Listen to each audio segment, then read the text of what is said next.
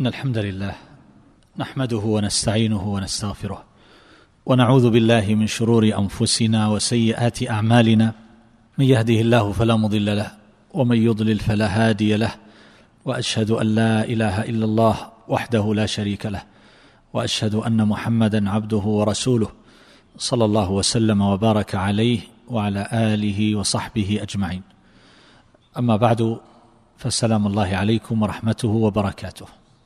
أيها الأحبة في هذه الليلة واصل الحديث عن المسائل المتعلقة بالذكر.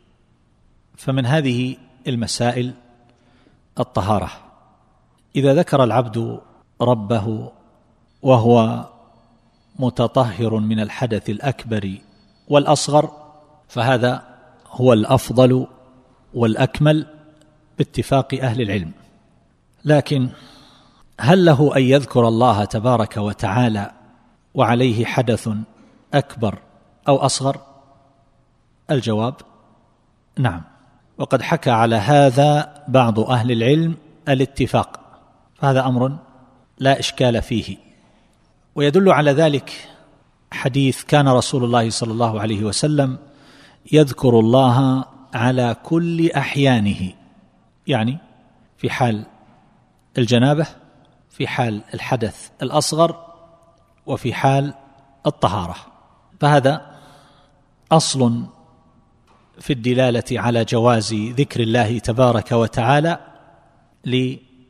للمحدث. والمقصود بهذا الاتفاق إنما هو ما يتعلق بذكر الله من التهليل والتكبير والتسبيح والتحميد وما إلى ذلك. أما قراءة القرآن ففي ذلك خلاف معروف. هل للجنب؟ هل للحائض أن يقرأ القرآن؟ وقراءة القرآن عرفنا أنها من أجل الذكر فهذا فيه خلاف مشهور. فبعض أهل العلم يرخص للحائض ولا يرخص للجنوب مع التفريق بين مس المصحف والقراءة من غير مس يعني عن ظهر قلب أو بحائل أو كان يقرأ في كتاب من كتب التفسير كلماته وما فيه من التفسير أكثر من آيات القرآن سور القرآن التي في ضمنه. فيقال له كتاب تفسير فيصح حمله للمحدث ولا إشكال في هذا. وهكذا هذه الأجهزة الحديثة الآن التي تحوي برامج يظهر فيها على الشاشة صفحة من المصحف الذي يظهر أن هذا لا إشكال فيه أن يقلب باصبعه هذه الصفحات وهو محدث. مسألة الحائض تقرأ القرآن لكن من غير مس. المحدث حدثا أصغر يقرأ من غير مس لكن من كان عليه جنابة فكثير من أهل العلم يقولون لا يقرأ. لكن الأحاديث التي يستدلون بها لا تخلو من ضعف فهي متكلم فيها من جهة المتن ومن جهة الإسناد. ولا يصح منها شيء. والله تعالى أعلم. ولذلك فلو قال قائل بأن الأقرب أن الجنب يجوز له أن يقرأ القرآن كما تقرأ الحائض. والأفضل بالاتفاق أن لا يقرأ إلا من كان على طهارة وبهذا على كل حال نفرق بين أمرين. حينما يقال بالاتفاق يجوز للمحدث أن يذكر الله يقصدون التسبيح والتهليل. والتكبير والتحميد وما إلى ذلك. لا يقصدون قراءة القرآن. أما قراءة القرآن فليس فيها اتفاق بل فيها خلاف مشهور. وظاهر صنيع البخاري رحمه الله أنه يجوز قراءة القرآن للجنب وهذا ذهب إليه جمع من أهل العلم وإن كان الجمهور على خلافه. جمهور من الفقهاء أن الجنب لا يقرأ. وقالوا حدثه بيده يستطيع أن يغتسل ويقرأ أما الحائض فحدثها ليس بيدها يطول عليها ذلك تنقطع من وردها من حفظها وتنسى القرآن. لكن حينما يقال يجوز للمحدث أن يذكر الله هل يكره له ذلك؟ أو يقال إنه لا كراهة فيه لكن الأفضل أن يكون متطهرا. من أهل العلم من أطلق الكراهة ويقصدون بها كراهة التنزيه. وليست كراهة التحريم. لظاهر قوله صلى الله عليه وسلم فإني كرهت أن أذكر الله إلا على طهر. فهذا في رد السلام. كرهت أن أذكر الله. قالوا فكره صلى الله عليه وسلم فدل ذلك على أنه أنه يكره مع الجواز. والآخرون قالوا بأن هذا قيل في مناسبة معينة وكان صلى الله عليه وسلم يذكر الله على كل أحيانه فالطهارة مستحبة والذكر على غير طهارة جائز وليس بمكروه لأن النبي صلى الله عليه وسلم كان يذكر الله على كل أحيانه. اذا الأفضل أن يكون الإنسان متطهرا ولكن ذلك لا يلزم. ومن هنا فإن الله تبارك وتعالى قد حث على الذكر في كل الأحوال قياما وقعودا وعلى جنوبكم. فكثرة الذكر وعلى كل الأحوال فإن ذلك يقتضي تخفيفا على المكلفين وهو الا يتقيد معه بالطهارة. من المسائل أيها الأحبة مسألة الاجتماع للذكر. هل للناس أن يجتمعوا على ذكر الله عز وجل أن تعقد حلقة في المسجد أو في البيوت على ذكر الله عز وجل؟ وهذا الذكر يدخل في قراءة القرآن. ويدخل فيه ذكر النعم ويدخل فيه أيضا مجالس العلم ويدخل فيه أيضا الذكر بالتهليل والتحميد والتكبير وما إلى ذلك. فهذه صور للذكر كما هو معلوم. أما قراءة القرآن فهذا لا إشكال فيه. والحديث واضح في هذا. ما اجتمع قوم في بيت من بيوت الله يتلون كتاب الله ويتدارسونه بينهم. فهنا اجتمعوا يتلون كتاب الله. فالاجتماع للتلاوة واحد يتلو والبقية يسمعون؟ لا إشكال. يتدارسون المعاني ويتدبرون ويتذاكرون ويتفهمون ويتفقهون؟ لا إشكال. يجتمعون على تعلم التلاوة الصحيحه هناك من يصحح لهم التلاوة؟ فهذا من المدارسة. لا إشكال. يتعلمون التجويد؟ لا إشكال. لكن العلماء تكلموا في مسألة وهي ما يسمى بالقراءة بالإدارة. وصورة القراءة بالإدارة أن يقرأ كل واحد قدرا من القرآن كأن يقرأ كل واحد ربع حزب والثاني ربع والثالث ربع إلى آخره.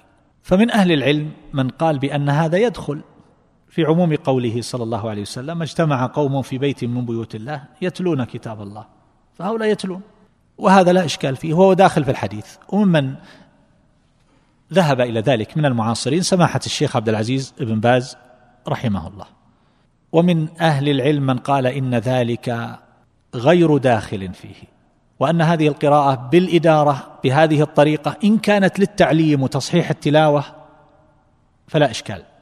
وأما إن كانت للتعبد يجلسون وكل واحد يقرأ وجها أو ربع أو يقرأ حزبا أو نحو ذلك. قالوا فهذا. يقرأ والبقية يتعطلون من القراءة. فلو اشتغل كل واحد منهم يقرأ في نفسه. يعني يقرأ دون أن يرتبط بهؤلاء حتى تأتيه النوبة للقراءة. قالوا فهذا الجلوس لا معنى له بهذه الطريقة. هم لا يتعلمون ولا يصححون التلاوة ولا يتفقهون ولا يتدارسون. وإنما يقرأ هذا تلاوة مجردة للتعبد. ويقرأ الثاني بعده والبقية يستمعون ثم يقرأ الثالث والرابع. فما معنى هذا الاجتماع؟ لو أن كل واحد منهم قرأ في هذه المدة لقرأ جزءا أو أكثر وهذا أولى من أنه يجلس ويستمع حتى تأتيه النوبة من أجل أن يقرأ وجها واحدا. فبعض أهل العلم يقول هذا لا يشرع وأن القراءة بالإدارة لا تشرع وأنها غير داخلة في الحديث. وهذا ذهب إليه بعض أهل العلم قديما. وحديثا والمسألة فيها خلاف معروف. وممن قال إنه لا يدخل في هذا الشيخ بكر بوزيد رحمه الله في بعض مؤلفاته. يقول لا يدخل في الحديث.